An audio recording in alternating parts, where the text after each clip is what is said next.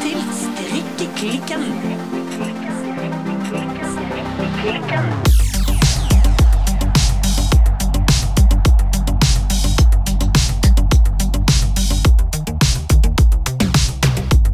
Hei, Birte! Hallo, Silje. Silje? Ja. Hva strikker du i dag? Jeg strikker på flere ting.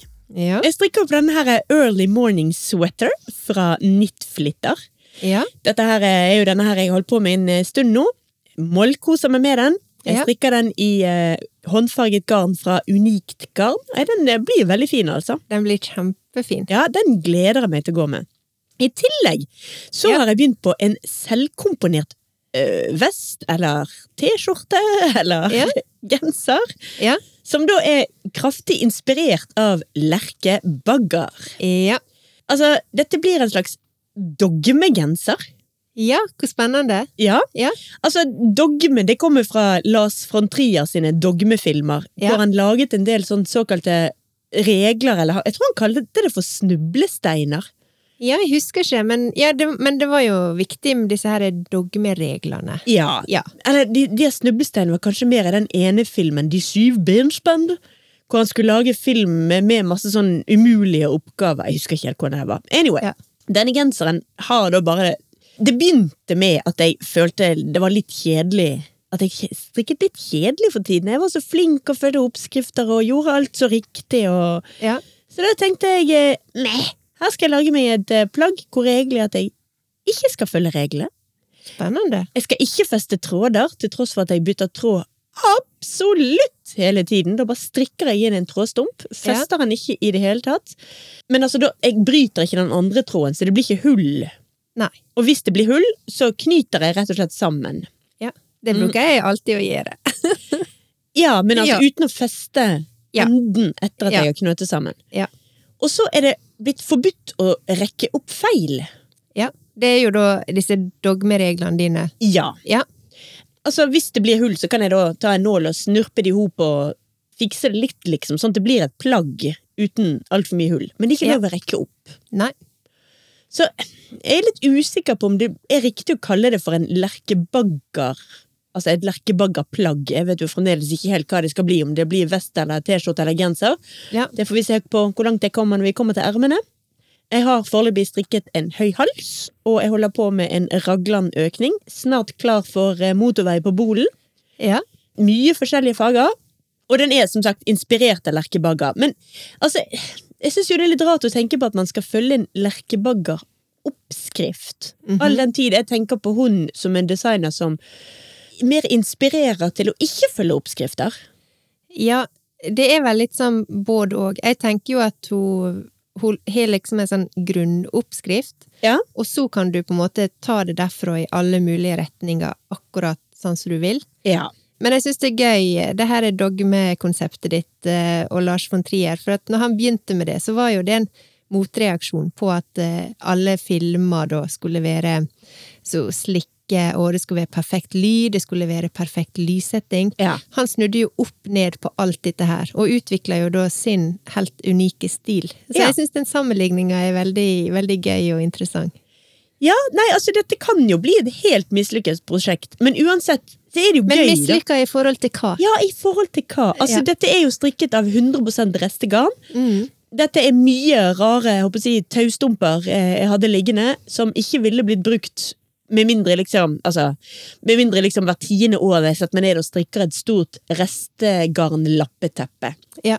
Men før det så er det liksom ah, Hvor galt kan det gå, egentlig? Nei, Vi får se. Vi får se. Det blir veldig spennende å følge med.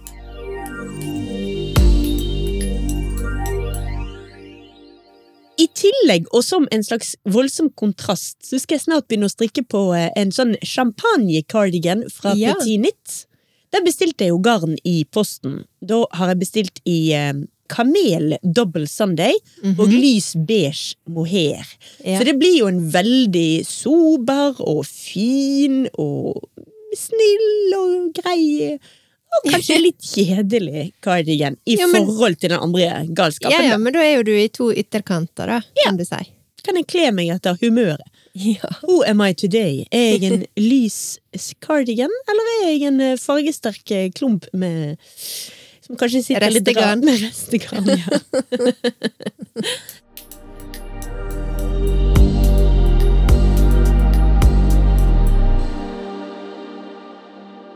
Det som er med den champagnecardigan, da, der bestilte jeg en sånn kit fra Sandnes Garn, så det kommer med ferdig oppmålte mengder garn og oppskrift, Ja. men uten knapper. Nei, det trenger jo en kanskje. Det, ja, for det er en cardigan, Ja. så den skal da knappes i hop.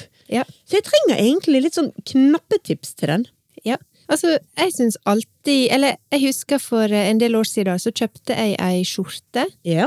Hvit, helt sånn enkel, klassisk eh, skjorte. Ja. Men alle knappene var i forskjellige typer knapper. Ja.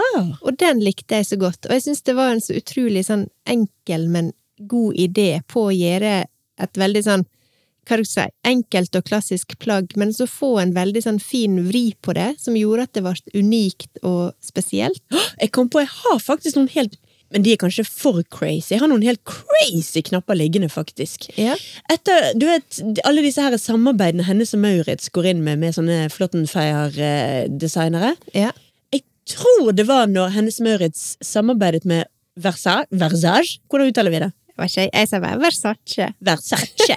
Men jeg vet ikke om det er rett. Det sier jeg, jeg også. Versace.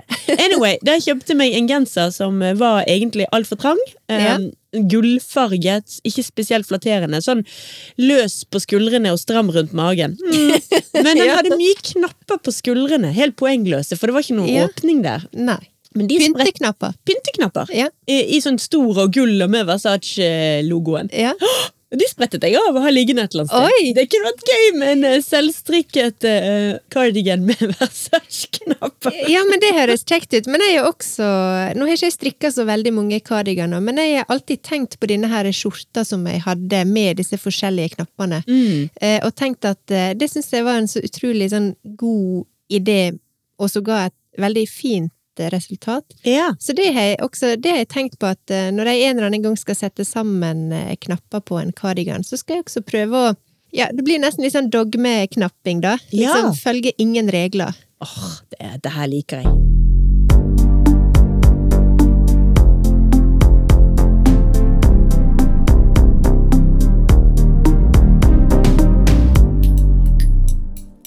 Men det var min lille strikkeodyssé for tiden. ja. Hvordan går det med sjøfareren Birte? Du, det går veldig bra. Eh, siden sist så har jeg nå begynt på min sweater nummer 14. Ja, du samler jo på eh, klær fra eh, My Favorite Things Knitwear og går fra plagg 1 til 15. Yes. Kolleksjonen skal være komplett. Altså, disse hullene må, må tettes. så jeg har jo da gjort ferdig denne sweater nummer 1 til dattera mi. Å, den er ferdig! Den fra Ingenua i Katja. Ja, den er ferdig. Så den ble, ja, den ble veldig fin. Kult! Den, må, den har jeg ikke fått sett den ferdig, så det gleder jeg meg til. Du må jo selvsagt legge ut bilder av dette på eh, Instagram, på profilen vår. Det skal jeg gjøre. Jeg tror til og med kanskje jeg overtalt dattera mi til at uh, hun skal få modellere den, håper jeg. Eh, men eh, jeg må kutte hodet, da. Ja. Litt sensitivt, dette der. Ja, men det er gøy det der med våre hodeløse barn på nettsiden vår. Men jeg syns det var Jo da, det var kjekt å strikke svette nummer én, men den har jo jeg strikka veldig mange ganger før. Ja. Eller i hvert fall, dette er vel nummer fire, tror jeg. Ja, den kan du. Ja, den kan jeg, og det er jo en enkel, eh, enkel genser på, på alle måter. Så jeg- jeg var veldig gira nå på å begynne på noe nytt, og noe som jeg ikke har strikka før. Mhm. Ergo, sweater nummer 14 is happening. Eh, og det er gått veldig raskt eh, til å være meg. Her er det rett og slett motorvei.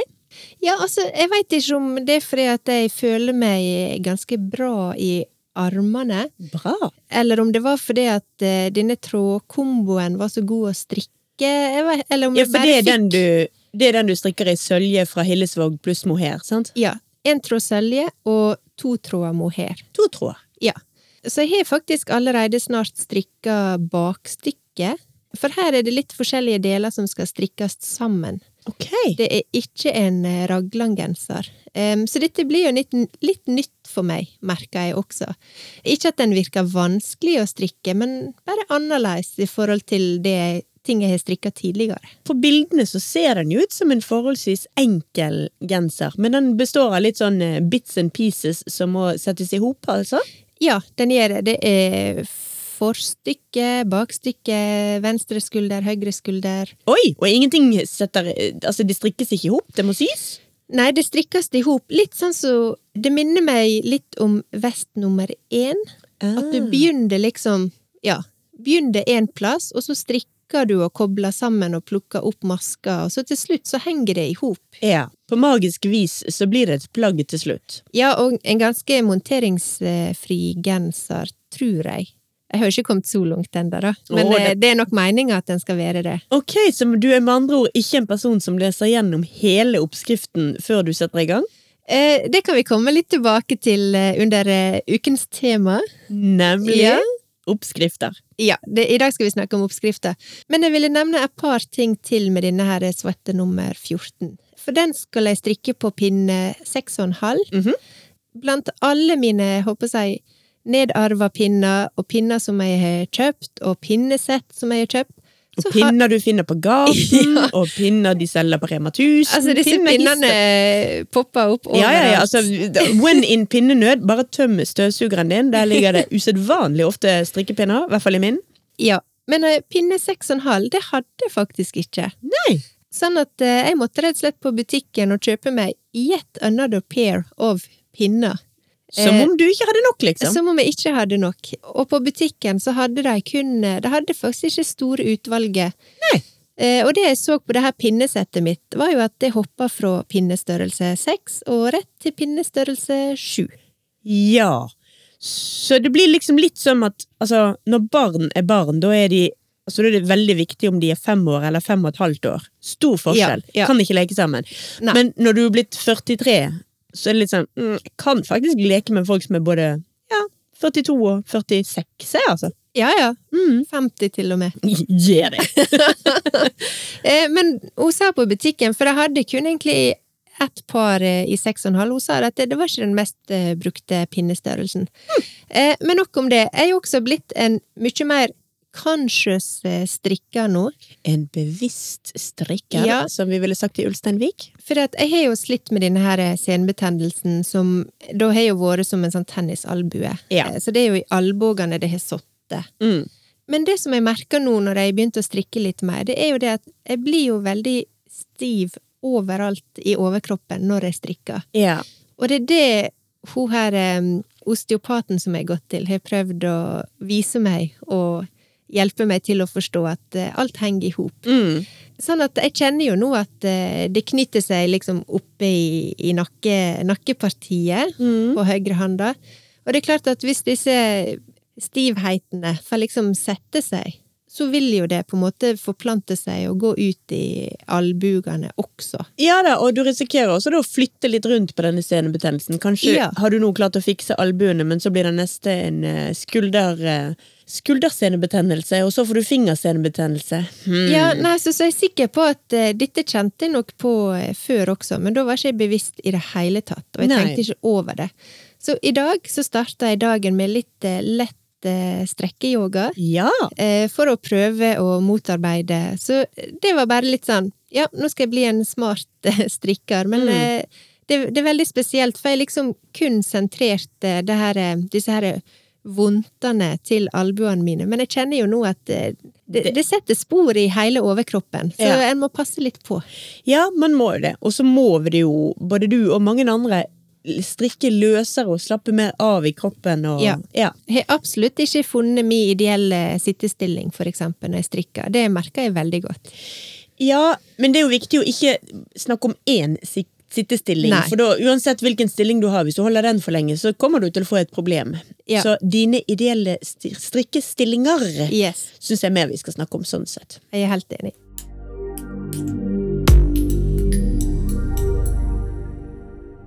I dag skal vi snakke om strikkeoppskrifter. Ja, For det er jo selvfølgelig noe både vi og våre lyttere kommer over ja, både titt og ofte. Det er vel en viktig del av en eh, strikkers eh, hverdag, og Ja. fest også, til og med.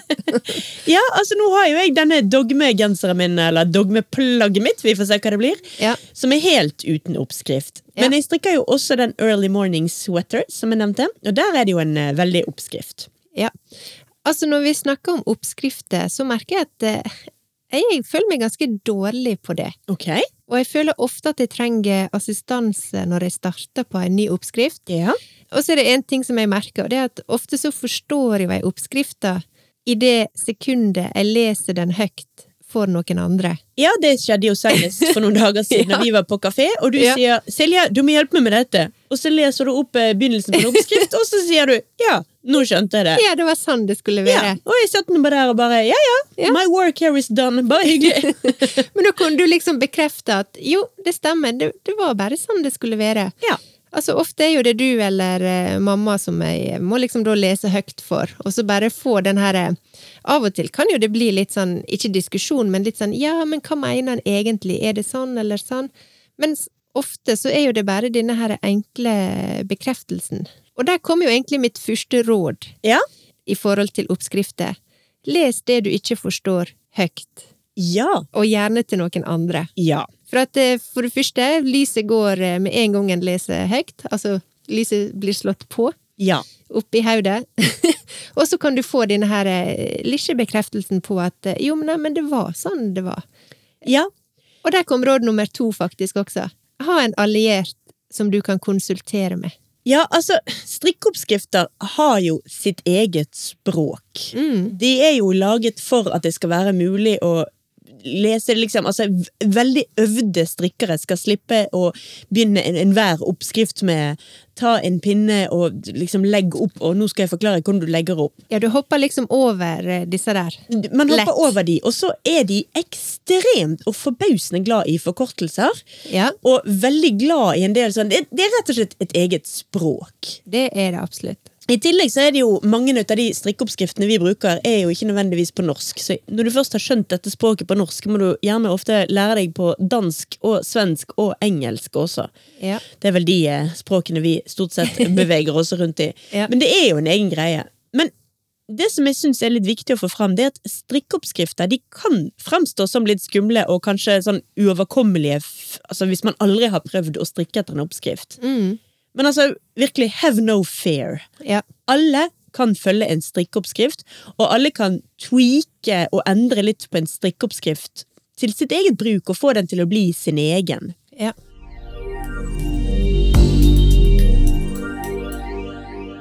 Det er en eh, kjent sånn strikkeheltinne som heter Elizabeth Zimmerman, Mhm. som skrev en bok eh, som het Knitting Without Tears, Basic Techniques and Easy to Follow Directions for Garments to Fit All Sizes. Yep. Det er blant annet hun Elisabeth Zimmerman som har utarbeidet en del av disse her eh, Altså Hun er litt sånn heltinne for folk som lager strikkeoppskrifter. da. ja. For hun kan gjøre veldig mye til disse centimeter om til antall masker-regnestykkene. Som jeg ikke Ja. kan noen ting om, altså. Eh, nei, Nei, ikke heller. jeg kan ikke lage en strikkeoppskrift i det hele tatt. Men hun hadde et veldig sånn fint forhold til hvordan man skal følge en strikkeoppskrift. Veldig, veldig sånn pragmatisk sånn, ja, følg den frem til det ikke passer akkurat deg, eller din strikkestil, eller din kropp, eller din smak. Da bare avviker du fra oppskriften og gjør det du syns er kjekt. Det høres jo veldig enkelt og, og veldig kjekt ut. Ja, men det, jeg syns det er en fin tilnærming å ha til eh, strikkeoppskrifter, jeg, altså. Absolutt.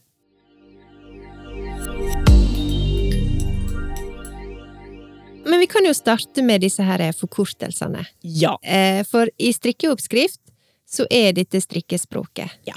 Og vi kan jo snakke gjennom de mest vanlige. Mm. Ja. R betyr Rett. Og VR, Vrang. Eller altså vrangmaske. ja. Og M, Maske. P, Pinne. og pinne kan jo også bety en omgang. Ja. Ja, strikk én pinne. Ja. Så betyr det én omgang, og omgang er jo ofte OMG.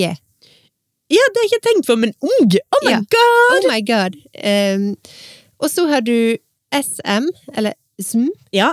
eh, sammen. Og allerede her så kan man da få setninger som strikk to vrm-sm, som betyr strikk to vrangmasker sammen. Ja.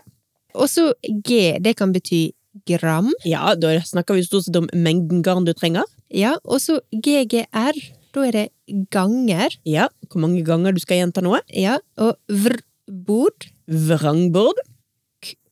K... K... K... Er det et kast? Gjør et kast. MM. Maskemarkør. Og KM. Kantmaske. Strikkes stort sett rett alltid. Ja. Og så har du RS Rett side. og VRS. Vrangside. Ja. Og så er det også da, altså, bryt garnet. Det betyr jo rett og slett klipp, klipp over tråden. Ja, du ville sagt klipp over tråden. Jeg ville sagt bit eller ryk over tråden. Men Ja. det er jo en diskusjon vi har vært gjennom før. Birte hater å få grøsninger når jeg ryker tråden med hendene mine. Så Ja. det gjør jeg alltid. Ja. og jeg gjør det aldri. Det verste er at jeg gjør det ikke når jeg er alene. Jeg bare gjør det når Birte er der. Ikke si det til Birte. Jeg gjør det bare for plage. Jeg hørte ingenting av dette.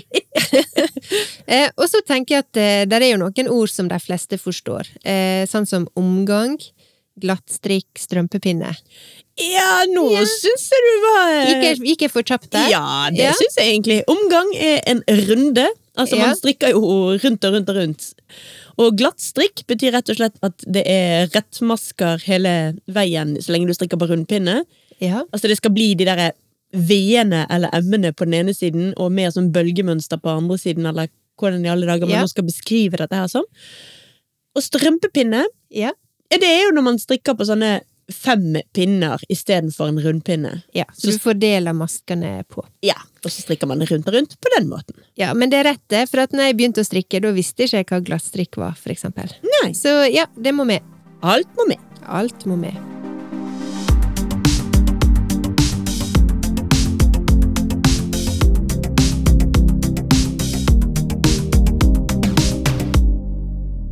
Men så kan det også bli litt mer komplisert. Ja. Disse, altså, de gir jo mening, disse her forkortelsene.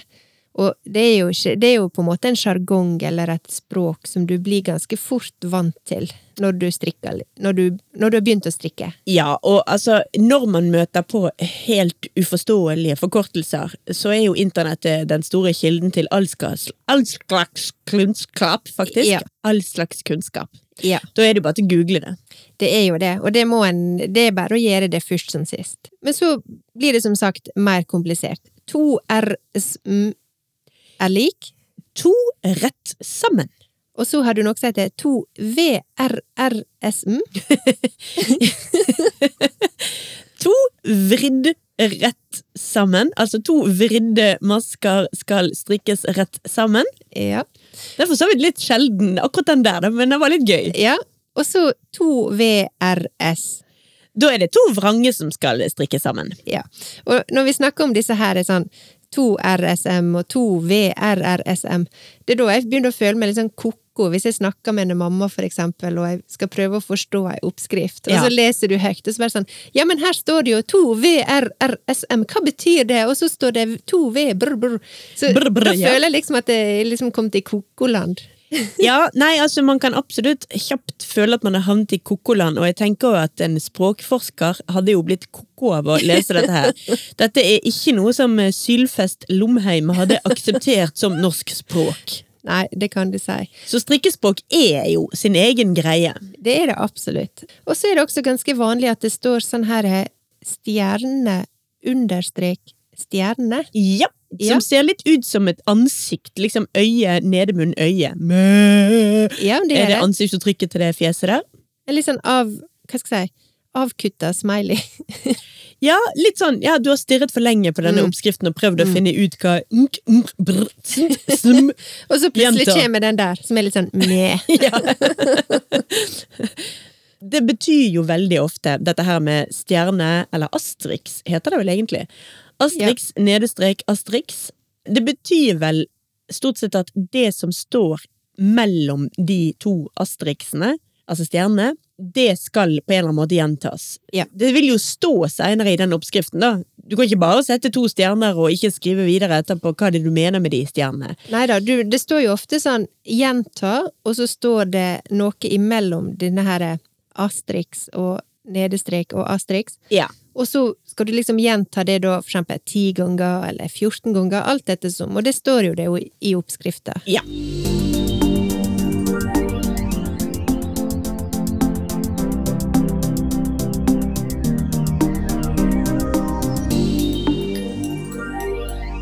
Men den genseren som jeg strikker nå, sweater nummer 14, Mhm. der er det faktisk eh, et bakstykke, Mm. Forstykke, -hmm. venstre skulder, Mhm. høyre skulder, Og håret. og så skal disse delene strikkes sammen når du kommer til bolen. Altså det stykket som er fra, ja, hva du ville ha sagt, fra ar armhåla og så ned til vrangbåren som er enten med hoftene eller midja. Altså du strikker ovenfra Altså fra ned. der deodoranten skal, til der beltet på buksen skal. Ja, for eksempel. Ja. Og som jeg nevnte i stad, eller som jeg avslørte litt i stad, det er jo når du har så mange deler som du Mhm. begynner å strikke på, og du på en måte angriper det fra forskjellige, fra forskjellige vinkler, så er jo det veldig bra å lese gjennom oppskrifta før du setter i gang. Det kan være smart. For da får du oversikter og et slags mentalt bilde av det du skal gjøre, og hvordan de ulike delene skal kobles sammen. Ja. Dette er ei fallgruve som jeg ofte detter ned i når jeg strikker, eh, fordi at eh, jeg haster litt gjennom akkurat denne biten, må jeg innrømme. Ja. Eh, jeg er veldig utålmodig alltid når jeg begynner på et nytt prosjekt, og så er jeg også litt sånn at dersom det er noe jeg ikke helt sånn forstår med en gang, så tenker jeg bare ja, ja, ja, ta det seinere, og så begynner jeg å strikke. Altså, jeg kom på nå at jeg skulle strikke meg en sånn Jeg tror den heter noe Sunday Cardigan eller noe sånt, fra Gar Garnius. Ja. Som er strikket for jeg vet ikke, et og et halvt år siden, eller noe sånt. Og den er strikket i så vilt mange deler. Det er altså begge Bare knappestolpene er egne biter som du så syr sammen etterpå, for eksempel. For eksempel. For eksempel. Sant? Der er høyre forstykke, venstre forstykke, skulder, bla, bla, bla, bla, bla. Ja. Men Ja. når jeg da skulle begynne å feste på ermene, og jeg husker ikke om de skulle sys på Nei, de skulle man hente opp igjen og så strikke videre der. Mm.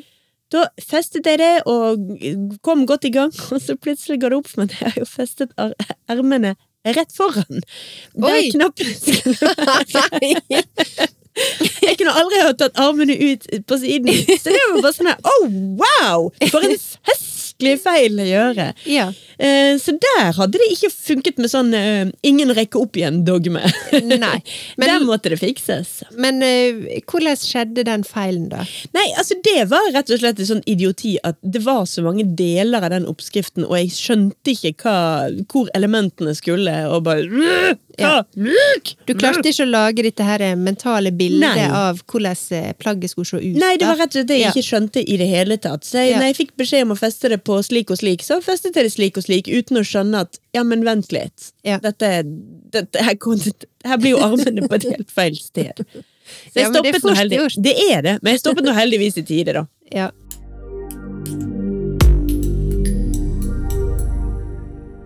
Når man snakker om sånne strikkeoppskriftsspråk, ja. så er det jo en del ting som går igjen veldig ofte. Vi, både meg og deg, Birte, vi strikker jo ofte plagg med raglanøkninger. Ja, hittil så har jo det vært mest det. Det er jo en klassiker. Det, er- det, altså, det er litt sånn idiotsikkert. Det sitter stort sett pent. Ja. Det, ja, altså, du får du ikke dette her eh, når du endelig skal sette alt sammen i hop, så plutselig går det opp for deg at nei, men for pokker, skuldrene henger jo på al albuene. Det er jo et problem jeg har hatt flere ganger. Ja, altså med raglene så er jo du aldri i tvil om hva du skal hen. Nei. Så det er jo en litt sånn idiotsikker eh, metode, samtidig så det blir et veldig fint resultat også. Det er det det gjør, og du er garantert at armene ikke plasseres der puppene skal være.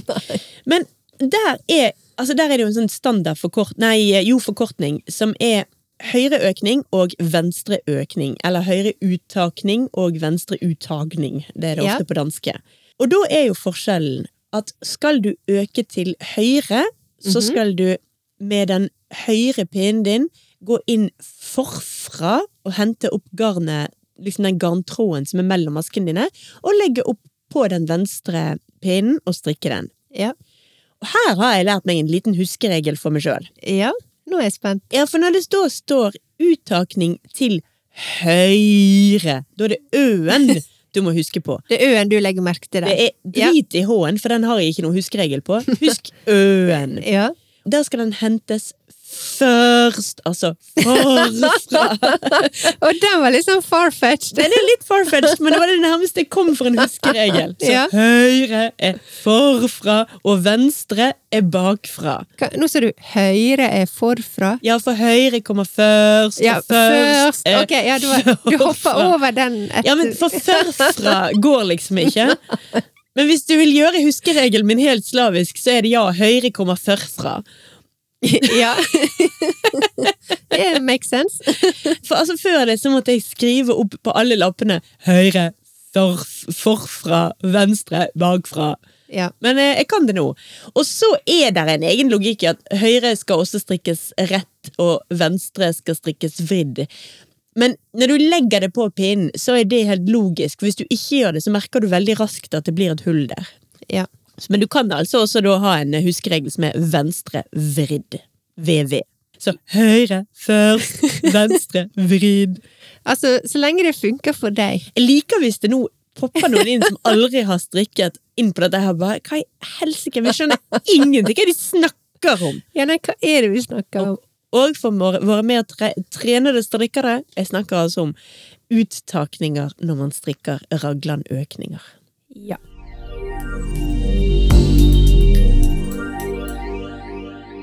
Men det var jo kanskje litt sånn vel sånn eh, smal og eh, spesifikk huskeregel.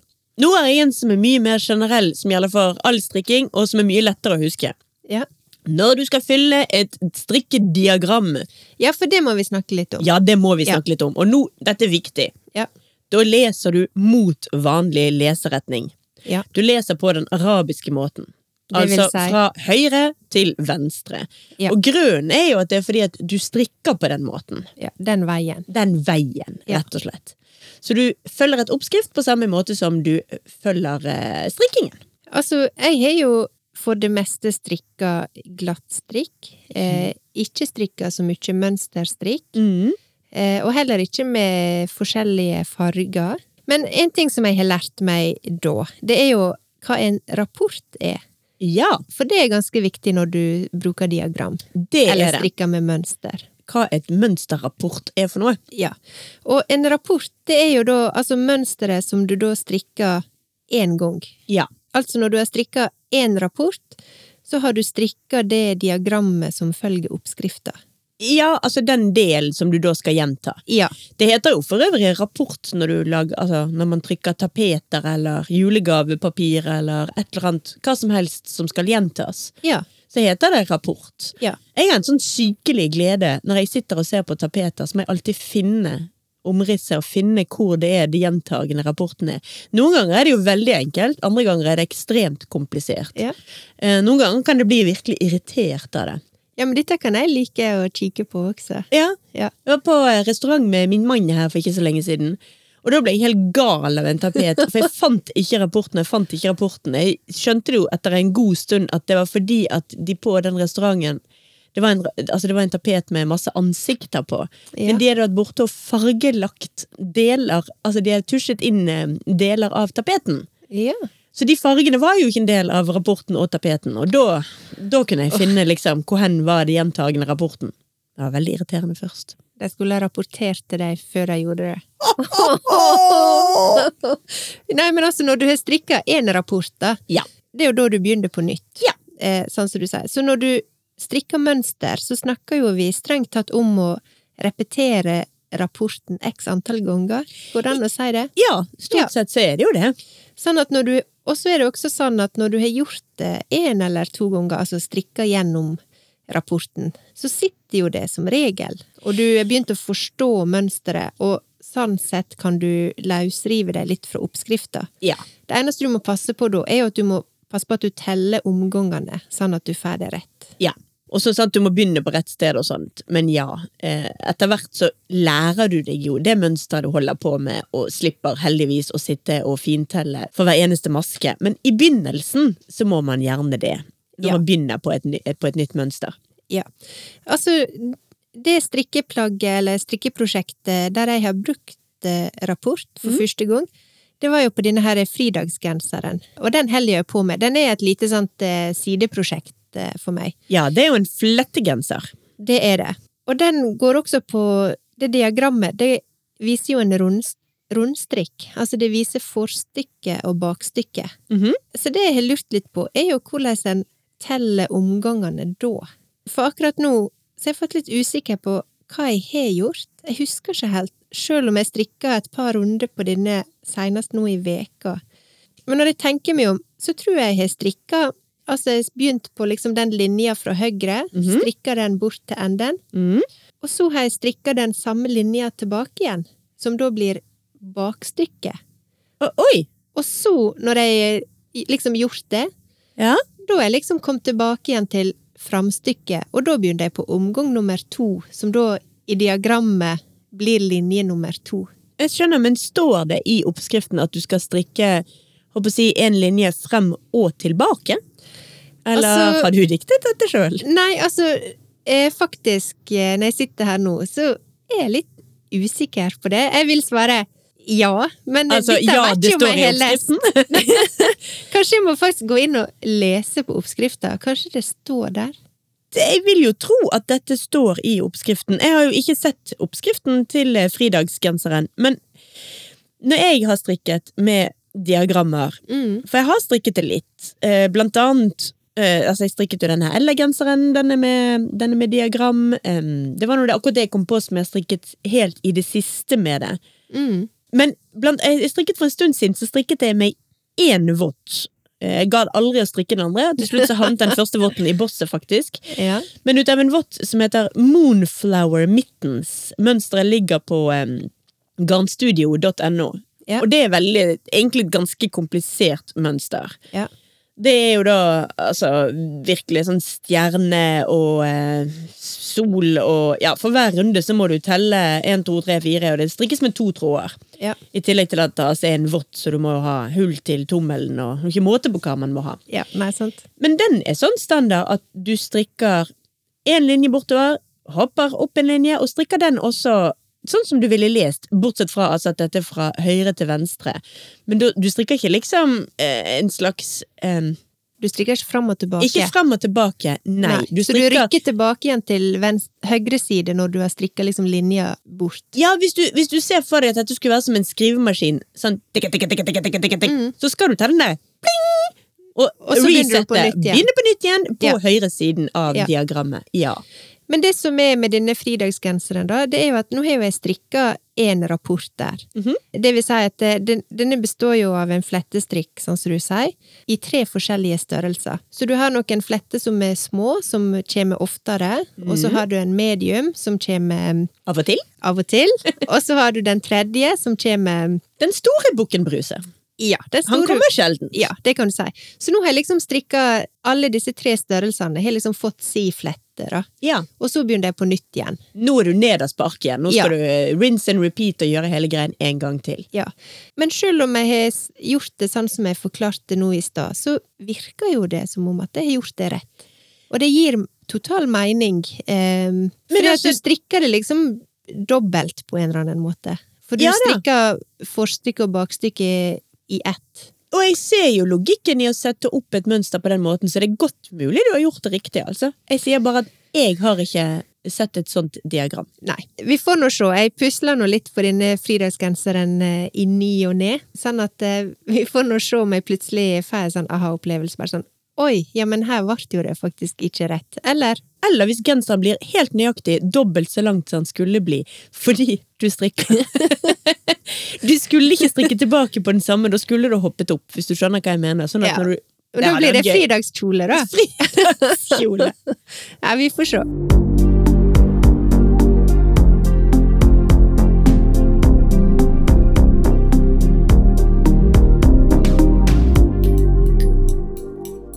Altså, det er jo ingen tvil om at det er forskjellige typer oppskrifter, og noen oppskrifter er kanskje bedre enn andre, for vi kan vel snakke om at det finnes gode oppskrifter og dårlige oppskrifter.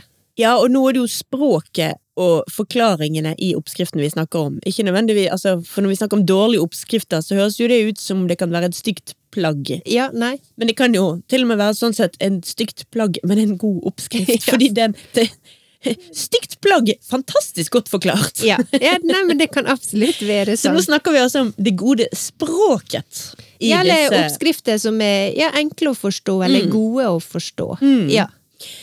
Ja, altså her for min del så har jeg lyst til å trekke fram den som jeg holder på med nå, nemlig um, Early Morning Sweater fra Knitflitter. Mm. Altså den oppskriften syns jeg er helt fenomenal. ja. Den er på tolv sider, Mhm. så den spøker ikke. Men den tar seg liksom god tid. For det første er den veldig nøye på størrelsen. Du skal måle deg dit og dit og dit og dit, og følge sånn og sånn. Og du kan, altså jeg for eksempel da, strikker den i medium. Jeg mener det var medium, ellers er det et sånt annet type system at jeg kanskje strikker den i ABC, eller jeg husker ikke helt, jeg er Ja. ikke sikker på det. ja. Men så legger jeg på seks centimeter på bolen. Og det var utrolig enkelt forklart. ja. I tillegg så er den strikket med ikke en helt symmetrisk raglan. Den er strikket med at du øker på annenhver pinne på ermene, men hver fjerde pinne på for- og bakstykket. ja. Og i hvert fall i begynnelsen når man holder, i tillegg da, holder på med vendepinner, fordi at jo bakstykket skal være Altså, halsen skal gå lenger ned foran enn bak. Mm. Så er jo det fryktelig mye å passe på. Ja, for den teknikken har jeg aldri hørt om før. Nei, altså det er jo en litt eh, ekstra komplisert raglan, og det blir Jeg syns det blir fint, men hvis, altså på denne oppskriften så følger det da med et ekstremt enkelt diagram å følge. Og hvis det ikke gjorde det, så tror jeg kanskje jeg hadde vært litt sånn Det var da grådig mye telling for bare litt penere snitt. Ja. Men fordi det fulgte med dette veldig enkle diagrammet, så uh, syns jeg dette var kjempekjekt. Den øker ikke så brått over uh, bryststykket og ryggstykket som den gjør over skuldrene. Ja. Og hvis du ser på kroppen din, eller min, eller noen andre sin, Mm. så går jo de aller fleste ganske mye bråere ut på skuldrene enn de gjør på i hvert fall ryggen, og eller uh, frontstrykket, altså puppene. Kall Ja. en spade for en spade. Brystet. Brystet. Nei, men Hvis du tenker på det, så er det jo egentlig ikke logisk at du skal øke like mye på skuldre som det er på brystet og ryggen. Det som jeg må si her, som vi også glemte å si tidligere, Ja. det er egentlig nemlig to ting som er ekstremt viktige når man strikker diagram. Ja. Det ene er jo da selvfølgelig altså huske du strikker fra høyre til venstre, og det Ja. andre er for guds skyld print ut dette her. Yes.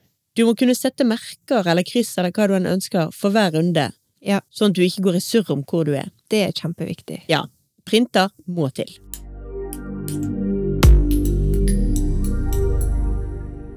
For å bable litt videre om dette her Early Morning Sweater, oppskriften fra Knitflitter. Ja. Den er jo da på eh, dansk og veldig lett å forstå.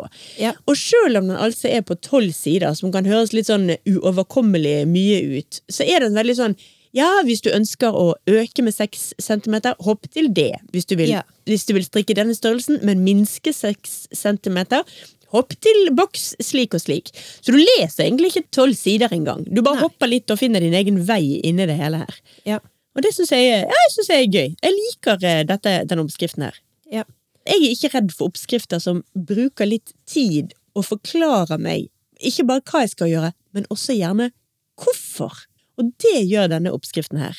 Den forklarer meg en del av de tingene. Liksom, altså hvis jeg skal for eksempel lære meg en ny måte å legge opp masker på, Ja. framfor den som jeg har helt innarbeidet i fingrene mine, da vil jeg gjerne vite hvorfor jeg skal bruke den ekstra tiden på å lære meg noe nytt. Ja.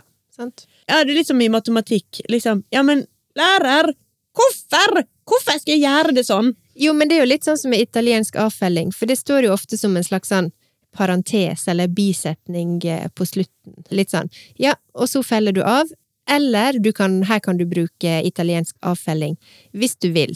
Og så, mens jeg leser det, så tenker jeg bare på at eh, italiensk avfelling er lik mer tid, og så veit jeg ikke helt hvorfor jeg skal gjøre det. Nei. Og så gjorde jeg det. Jeg veit jo at eh, du heiv det på den og var superfornøyd. Jeg brukte litt mer tid på å finne ut av det, og det var jo også fordi at jeg forsto liksom ikke helt hvorfor skulle jeg gjøre det. Det virka bare mer komplisert og mer tidkrevende. Ja. Og så gjorde jeg det, og så tenker jeg jeg går ikke tilbake igjen til vanlig eh, avfelling, for eh, den gir jo en helt annen elastisitet i vrangbåren Og det savner jeg på noen av de eh, plagga som jeg strikker, faktisk, eh, der det står litt sånn optional, eller du kan bruke italiensk avfelling. Så jeg har ikke gjort det, men jeg skulle ønske jeg hadde gjort det. Ja, men jeg er helt enig. Det, det hadde vært lurt hvis det sto hvorfor. Ja. Bruk italiensk avfelling hvis du ønsker en ekstra pen og ekstra elastisk kant. ja.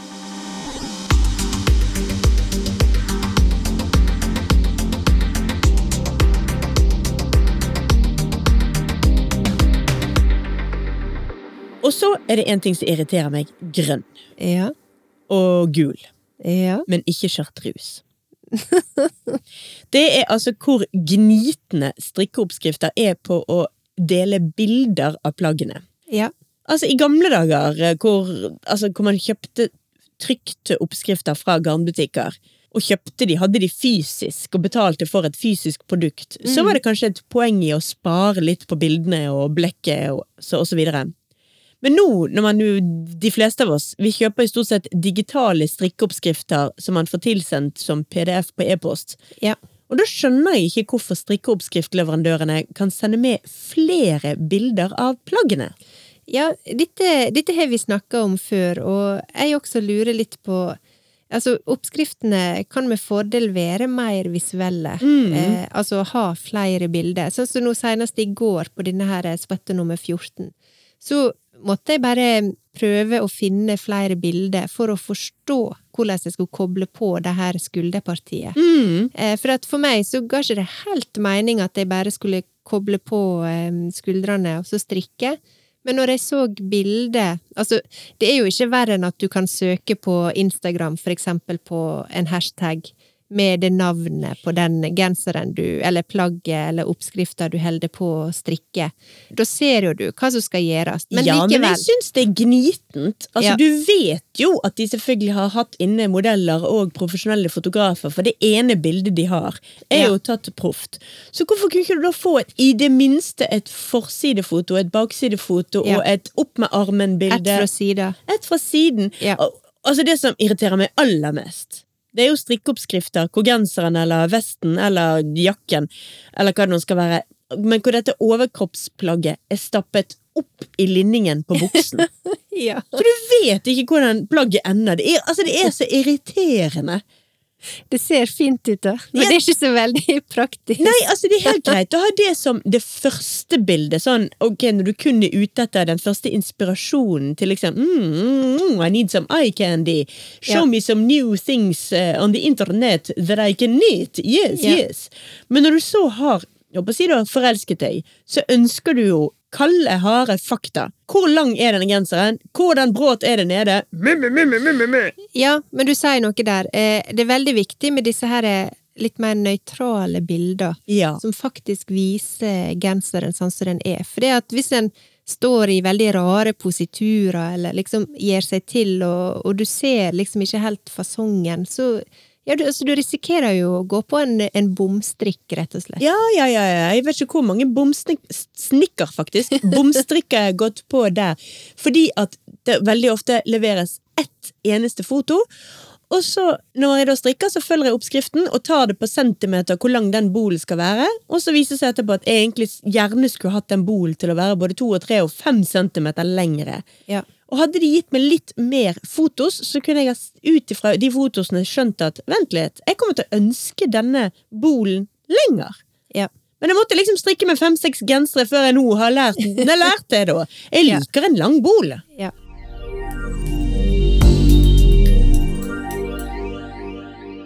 Altså, en annen ting eh, eh, som jeg merker at jeg gjør, er jo at jeg rett og slett kompliserer til oppskriftene. Mm. At, at jeg forventer at de skal være litt vanskelige, eller jeg forventer at jeg ikke helt skal forstå dem. Hva mener Det er liksom Altså, utgangspunktet mitt. men det, altså, du kompliserer det, eller Ja, oppskriften? nei, Ja, jeg du. kompliserer ja, jeg. Og så for eksempel, som jeg nevnte i stad, så leser du noe høyt til noen, og så Å ja, så jeg skal rett og slett bare gjøre det som står der. Så enkelt! Og så merker jeg også at det er vel kanskje mer på tellinga at jeg kan slurve og gjøre feil. For eksempel hvor utrolig vanskelig det av og til kan være å telle til åtte eller ti eller tolv eller tretten. Altså, det finnes jo sånne tellere man kan sitte og klikke på. Det gjør jo det. Når jeg jobber jobbet på konserter, så står man jo gjerne ved ukasdøren eller inngangsdøren og klikker folk inn, for du teller. Har litt lyst på en sånn liten Ja, så du bare drar den inn på fingeren. Ja, det fins noen sånne omgangstellere, i alle fall. Det gjør det, ja? Ja. Men her er det også mer sånn på mønsteret, liksom. Ja, du skal strikke åtte masker. Altså én, to, tre, fire, fem, seks, sju. Og så, og så strikker er du. cirka åtte. Ja. Men altså, nå Jeg har jo strikka mest eh, oppskrifter fra Petit Knit og My Favorite Things Knitwear. Det er jo ingen, ingen hemmelighet. Eh, Eller stor overraskelse. Og jeg har jo kommet i mål på alle disse. Jeg har også strikka for eksempel vinterhette fra Knitting for Olive. Mm. Der merker jeg at det var en litt annen sjargong. Men så er jo det også litt sånn vane også, at du blir på en måte litt vant til en eh, strikkedesigner sitt språk eller måte å skrive oppskrifter på. Ja, altså når du snakker om både Petit Knit og eh, My Favorite Things Knitwear, så er du nok litt em, De er veldig tilgivelige og greie, de Mm. oppskriftene. Det finnes veldig mye verre der ute på markedet. Det finnes Ja. mye ondere folk som liker eh, mye flere forkortelser og min, er mindre rause med forklaringene enn de to, da. Fins mer eh, ekskluderende oppskrifter. Ja, det var vel det mer eh, beskrivende ordet enn å kalle folk for onde, men ja. Altså, jeg har knota meg gjennom veldig mye verre oppskrifter enn de fra de to som du nevnte der. Ja. Men sjøl da, så stort sett så finner man jo ut av det.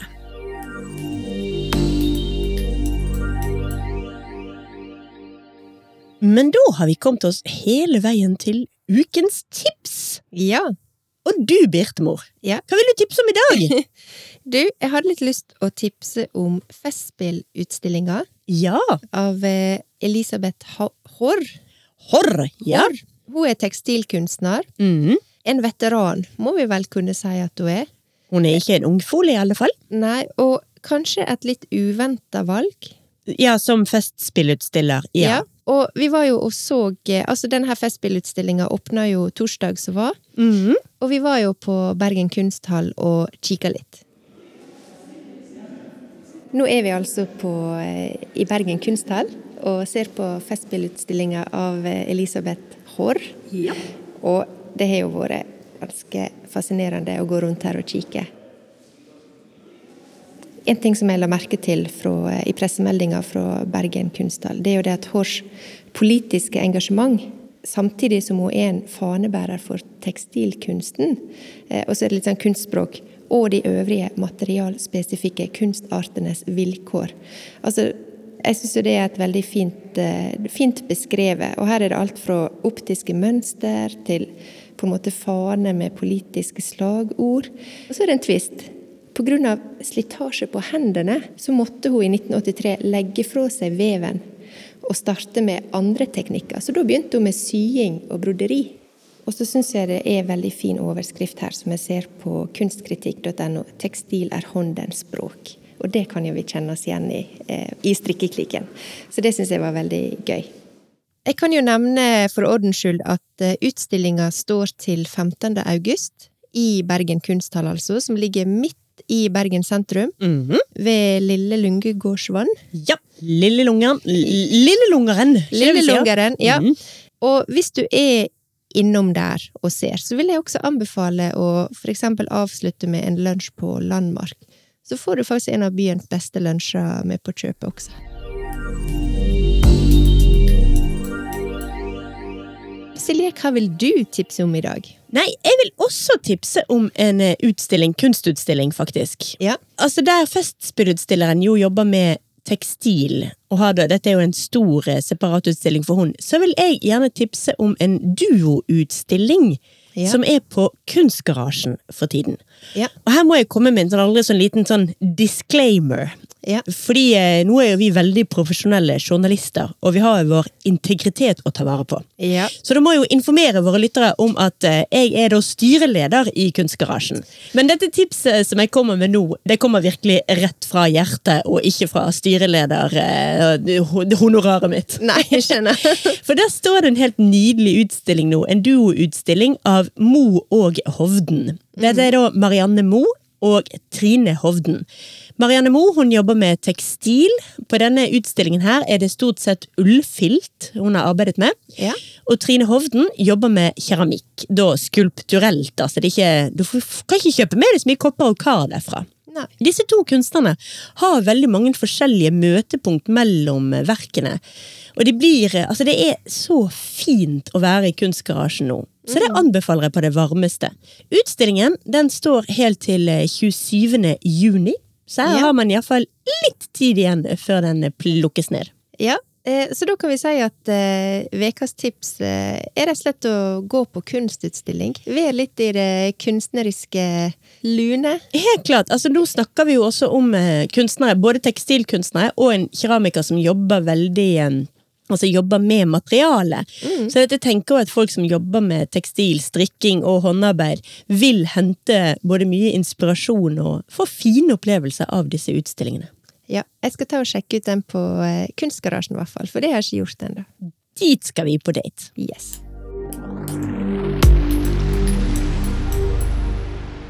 Det var det vi hadde denne uken. Det var det. Det er på tide å runde av. Vi snakkes gjennom en uke. Det gjør vi. Ha det bra, Silje. Ha det badet!